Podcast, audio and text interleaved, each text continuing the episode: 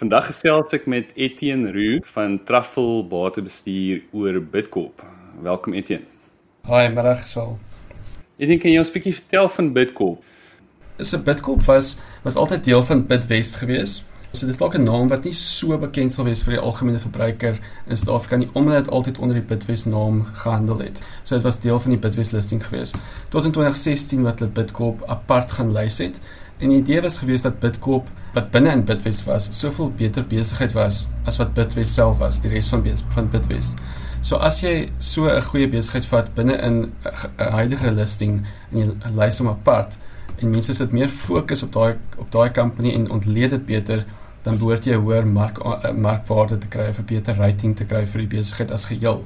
En dit was 'n baie suksesvolle aanbanding geweest. As jy kyk voor die aanbanding na die aanbanding wat die wat die share price in totaal gedoen het, was dit uh, value adding geweest vir vir aandeelhouers daai stadium. Dit is ook 'n global besigheid, so met ander woorde toe dit apart gelys is, toe mense dit begin vergelyk met hulle kompetisie oor see, uh, Cisco Performance Foods Group hulle begin die die ratings en die waardes begin meet teen daai companies wat vir hulle die hoë rating gegee het in totaal. So dit was baie suksesvolle aanbanding geweest en so ek sê dis 'n naam wat wat 'n bietjie meer onlangs in die mark is. Ehm uh, maar 'n baie groot uh, maatskappy. Hulle hulle mark uh, waarde is 100 miljard rand. So een van die grootste maatskappye of van die groter maatskappye op die JSE. Dan wat dalk net wat hulle doen. So Bitcoin is 'n food services. Dis basies hulle doen die logistiek vir uh, meestal restaurante hulle sal na 'n restaurant gaan en sê ons kan vir julle al julle produkte of meeste van julle produkte verskaf. Ehm um, kom ons sê julle vis, julle vleis, uh souse, speserye, wat ook al jy nodig het, ons sal dit vir julle verskaf op 'n baie betroubare basis op die spesifieke tyd wat jy dit nodig het en ons kan vir jou ja 'n groot verskeidenheid van produkte verskaf. So jy kan na ons na soos of 'n one-stop shop wees. Jy kan na ons toe kom, ons kan alles verskaf op die regte tye. Maar behalwe vir dit, so as jy net dink aan as ek nou sê hulle doen logistiek vir vir restaurante, hulle doen bietjie meer as dit. As mens dink aan logistiek, dan dalk die eerste naam wat by opkom is Imperial. So hulle is nie 'n 'n company wat produk van punt A na punt B vervoer nie. Hulle het baie meer value added servicing ook of services. Hulle sal na hulle kliënte toe gaan, na die restaurant toe gaan en sê kom ons werk, kom ons help julle en kom ons bou vir julle 'n menu wat pas by jou besigheid um, met die regte um, produkte wat jy nodig het en dan verskaf ons daai produkte aan jou. So dit doen baie meer, kom ons ja, so ek sê value added service vir die kliënte om die, die kliënt ook te help om hulle kostes te verminder en die regte um, produkte en menu te kan verskaf. As ons dan kyk uh, geografies waar hulle waar hulle operate, Bitcoin is in Suid-Afrika is 'n baie klein deel van hulle besigheid. So hulle hulle, hulle bestaan uit vier divisies uit. Uh, die grootste is Australië. Dit is al waar Bitcoin begin het. Kom ons sê dis hulle flagship mark waar hulle operate. Ehm um, hulle die groot redelike groot markandeel daarvan so 25%. Ehm um, so dis die grootste deel van hulle van hulle besigheid, die grootste divisie met so 30% van hulle wins wat uit Australië uitkom, Australië en Nieu-Seeland. Tweedens is die Verenigde Koninkryk wat so 25% van die wins is. En dan daar die derde divisie is Europa. Dit bestaan uit eintlik 'n klomp lande waar van die grootste is Nederland, België, um, Italië en Tsjek, Tsjekoslowakië. Ek dink dit is die grootste die grootste lande in Europa, maar Europa is basies 'n kombinasie van 'n klomp lande. Dit is nog so 25% van die wins en dan die die laaste divisie is is ontwikkelende lande. So dit is wat is sommer so 15% van die wins wat bestaan uit Suid-Afrika, China, Hong Kong. Dan is ook klomp 'n klomp lande daarin wat redelik klein is, ehm um, die middel met die ooste, Latin America. Ehm um, so dit is minder van hulle operate. So jy kan sien dat die die Verenigde Koninkryk en Australië die grootste markte is, maar ons 'n klomp ander lande wat sommer kleiner dele dele uitmaak. Ehm um, so dit gee 'n idee van waar hulle operate en al wat hulle doen. Die wenste van 'n maatskappy is mos maar nie totale revenues of inkomste minus die totale kostes. So kom ons begin in die een deel met totale inkomste. Uh wat is die groot faktore by Bitcoin wat dit beïnvloed en wat sien jy vir dit in die volgende 5 jaar? Soos ek sê, ek dink hulle so, so 80, kom ons sê so 80% van hulle besigheid is dit hulle hulle hulle verskaf produkte in restaurante in. Dit kan wees groot national chains restaurante, die groot bekende name of dit kan wees en wat die, die grootste deel van die besigheid so 60-65% van die besigheid is in kleiner en onafhanklike restaurante. So dit is die restaurant um, op op die hoek van die straat, 'n eenman saak wat wat wat sy restaurant daar het. So dis 'n groot deel van die besigheid verskaf hulle in daai independent mark in. Hulle noem dit die Eureka market, so dit is die die independent mark. So restaurante is die grootste drywer van hulle van hulle besigheid. Die ander 20% is kom ons sê verskaf hulle in hotelle, prisons, education facilities, soos kom ons sê skole of universiteite, klomp verskeidenheid of of in sport, sport events of konserte. Dis 'n klomp verskillende uh, markte dalk, maar kom ons sê restaurante is die grootste. En wat is die groot drywer van dit? Ek kan sê basies ook dis 'n industrie wat groei. So so as jy kyk in die laaste klomp jare en en going forward, mense wil ehm um, meer travel. So die jonger mense spesifiek wil travel, hulle wil uit eet, hulle hulle wil minder spaar, hulle wil meer geld spandeer en hulle wil uh, sosiaal verkeer en met ander woorde meer in restaurante uitkom. So dit is al 'n trend of 'n neiging wat mense al sien vir 'n klomp jare en daai trend gaan nog steeds voort.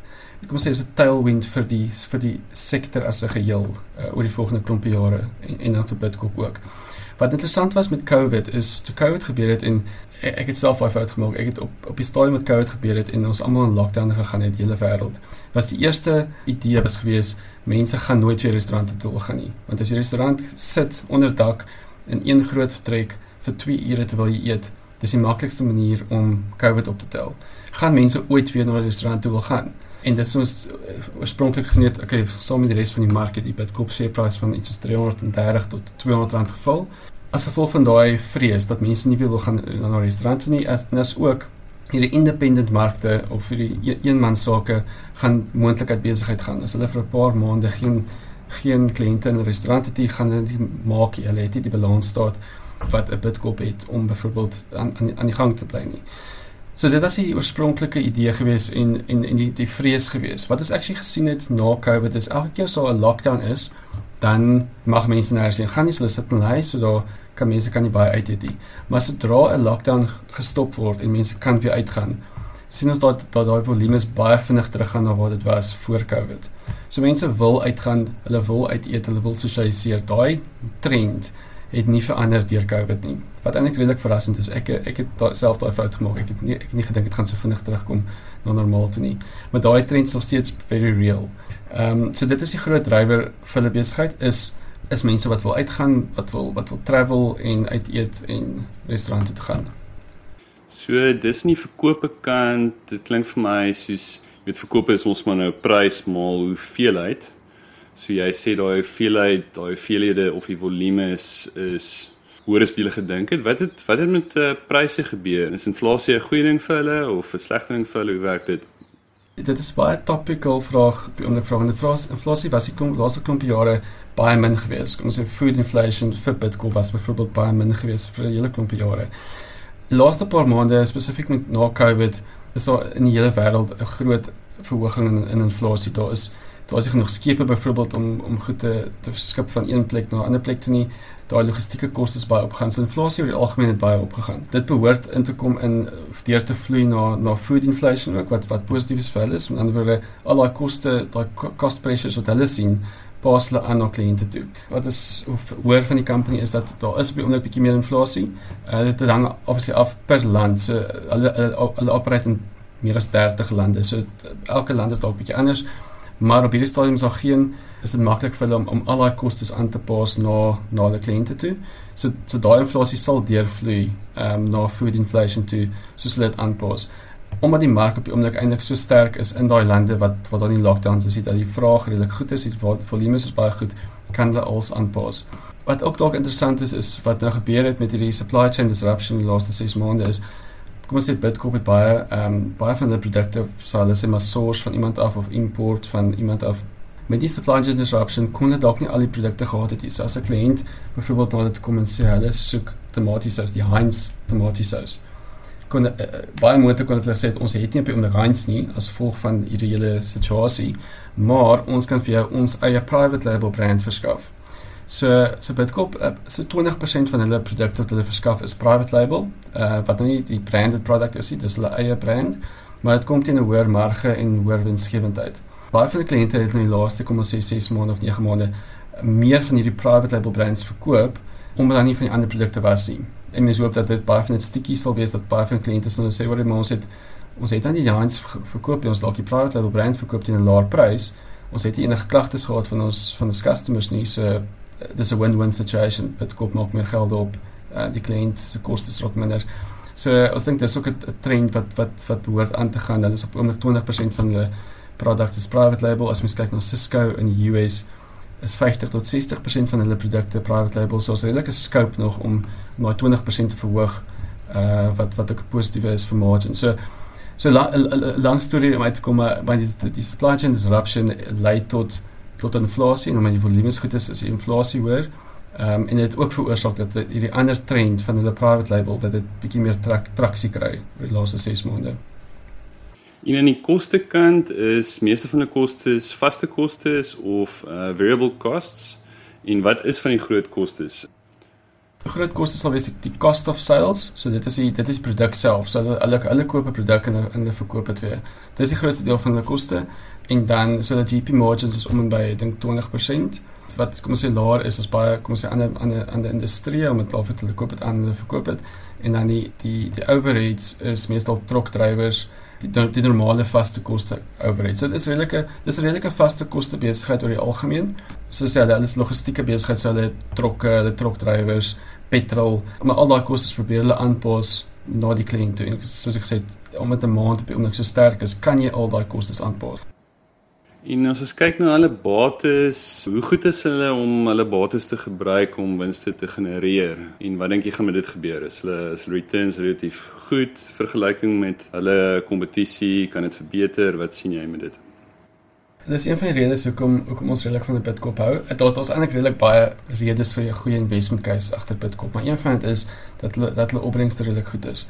Wat mens wil kyk is jy kyk na 'n company se se return on equity of the ja, return on equity of return on invested capital en jy vergelyk dit met hulle hulle hurdle rate. So die hurdle rate is hulle WACC rate wat ons noem, weighted average cost of capital. En 'n goeie company genereer opbrengste wat wat 'n hele paar persent is meer of beter obviously hoe hulle WACC. So Bitcoin is uh, hulle ek dink voor Covid was hulle ROE's hier rondom 17%. Hulle WACC is is onder 10. So hulle opbrengste is baie goed. Ook in ag neem dat meer buitelandse besigheid is um, wat meestal in die ontwikkelde lande ehm um, operate. So dis nie nie in Suid-Afrika nie, dis in Australië en in die UK. Maar 17% ROE in sulke lande op te te generate is regtig baie goed. So hulle opbrengste is baie goed. Ehm um, dit gee vir 'n idee dat dit 'n besigheid is wat en 'n bestuurspan is wat hulle kapitaal baie um, effektief aanwend en kapitaal kan herinvesteer in hoë opbrengs um, in 'n hoë opbrengs besigheid en ook dat 'n besigheid is wat goeie pricing power het. So hulle het hulle het 'n diens wat hulle lewer aan kliënte wat ehm um, wat nie sommer maklik kom ons sê repeteerbaar is of of iemand kan maklik sommer net dieselfde doen nie. Dit is dit is 'n value added service wat hulle lewer uh vir kliënte en dis kom hulle goeie opbrengste kan kan genereer. Dis een van die redes hoekom ons baie daarvan nou ehm um, en ook in ag neem dat hulle hulle, hulle basies geen skuld op hulle balans staat nie. So as jy so 'n company kan baie skuld hê of of kom ons stel so jy, jy kan meer skuld aangaan en om jou om jou opbrengste op te stoot. So daai 17% ROE is kan kan hoër wees indien hulle meer skuld gehad het. Maar hulle het die skuld, die so 17% is eintlik beter as wat dit as wat dit klink. So die balansstaat is baie sterk. Uh, die opbrengs is baie goed. Dis 'n baie goeie bestuurspan as jy kyk na hulle hulle track record vir die laaste 10 jaar. Hulle het regtig baie goed gedoen die laaste 10 jaar. Hulle deliver jaar in jaar uit. Dis 'n baie goeie besigheid soos wat jy nou verduidelik. Ons weet ook 'n goeie besigheid is nie noodwendig 'n goeie belegging nie, want jy kan te duur daarvoor betaal. So dink jy, betaal mense nou te duur vir dit? Is dit fair value? Is dit onderwaardeer? Wat is jou opinie? Bitcoin is nie die goedkoopste aandeel op die mark nie. Ek sal sê kom in in kort sê dis dis per redelike 'n fair multiple op die oomblik. Maar ek dink as jy as mens in ag neem die die investment case, die hele investment case rondom Bitcoin, is een van daai maatskappye wat ek wat ek voel mens seker baie kry goeie baie goeie companies wat jy sal koop teen 'n fair prys. 'n Fantastiese company gaan jy nie sommer kry teen 'n baie goeie prysie. So dis een van daai wat in my opinie wat wat jy kan koop op 'n fair price en jy kan hou vir 5 jaar en 10 jaar. Kom ons sê 10 jaar en jy hoef nie te veel te worry daaroor nie. Al vredelike goeie confidence in dit dat hulle behoort oral te doen. So as mens nou 'n bietjie deur ingaan in die in die investment case self en hoekom hoekom hou ons baie van 'n Bitcoin? Ek bedoel multiple is fair. Ek sal nou kom by multiple spesifiek uit. Maar as mens kyk na die na die groei geleenthede en wat daar is vir 'n Bitcoin vir die volgende 5 tot 10 jaar en dan vergelyk met 'n multiple dan dan maak dit bietjie meer sin. So eerstens soos ek sê, dit is 'n industrie wat industrie wat groei. So die hele industrie groei so is of 'n dis 'n bietjie van 'n tailwind vir die hele industrie en vir Bitcoin self. Tweedens, dit is 'n mark wat baie baie gefragmenteerd is of fragmented is. So hulle kompeteer met kleiner maatskappye in die lande waar hulle operate. As jy kyk wêreldwyd, daar is net, ek bedoel die grootste maatskappye is Cisco, Performance Foods en US Foods. Hulle is almal US companies gefokus op die US mark. Hulle hulle hulle is nie besig om uit te brei in die res van die wêreld nie. So dis die drie gelyste maatskappye die groot is wat wat wat mens ken. Dan is daar een, daar's een gelyste maatskappy in Italië, ehm um, maar hulle is net in Italië. Maar behalwe vir daai paar is daar daar's geen ander company buite Bitcoin wat half oor die res van die wêreld is en wat groei en en acquisitions maak en ja, in die res van die wêreld uitgroei. So is 'n baie baie gefragmenteerde mark. As jy in, kyk in elke land waar hulle is, hulle markandeel is nog redelik klein. Ehm um, en hulle is dalk die grootste in in, in die land op markandeel van die grootste. So is daar's baie baie ehm um, daar's baie kompetisie, maar daar's baie klein companies vir wat hulle kompeteer. So jy sal dink dat Bitcoin wat groot is, wat skaal het, wat 'n sterk balans daar het, behoort markandeel te vat organies teen hierdie kleiner kleiner kompetisie. Ehm um, dis dit is 'n tweede punt dalk. Derdens in elke land wat hulle operate hulle model is is een wat van hulle sal 'n klein acquisition maak in 'n land. Kom ons sê 'n goeie voorbeeld onlangs laaste paar jaar was was Duitsland en Spanje. Hulle het 'n klein acquisition gemaak. Ek hulle het nou 'n bietjie issues gehad in daai in daai besigheid wat hulle gekoop het, wat hulle eers moes moes reggemaak het. Maar die model is dat hulle maak 'n acquisition in 'n land. Hulle operate vir 'n rukkie, ehm um, kyk hoe dit werk en dan soos hulle sê is 'n roll-up strategy. So hulle gaan dan en dan koop hulle klomp van hierdie klein ehm um, kompetisie koop hulle koop hulle uit. So jy koop dit 'n klomp companies teen lae redelike lae valuations en jy bou jou skaal op en jy raak groter en groter en jy bou jou markandeel en so kry jy ook meer raak jy sterker ook in daai land. So dit is 'n dis 'n drywer wat 'n part van die van die organiese groei in die in die industrie wat groei en die markandeel wat behoort te vat, is dit nog 'n nog 'n kom ons 'n growth driver. Ehm um, is om aan te hou met hierdie klein acquisitions in die lande waar hulle is. Soos Spanje en Duitsland is 'n goeie voorbeeld. Dan is daar nog lande waar hulle nog nie is nie. So hulle moet sê vier is lande waar hulle nog nie is nie. So hulle uh, buite die US, ehm um, is daar geen land eintlik wat hulle glad hier sal wil gaan nie. Hulle is nog glad hier in Frankryk, hulle is nie in Switserland, hulle is nie in ehm um, Skandinawië nie. Hulle is nog baie lande in Oos-Europa nog nie. Kanada dink ek kyk hulle na.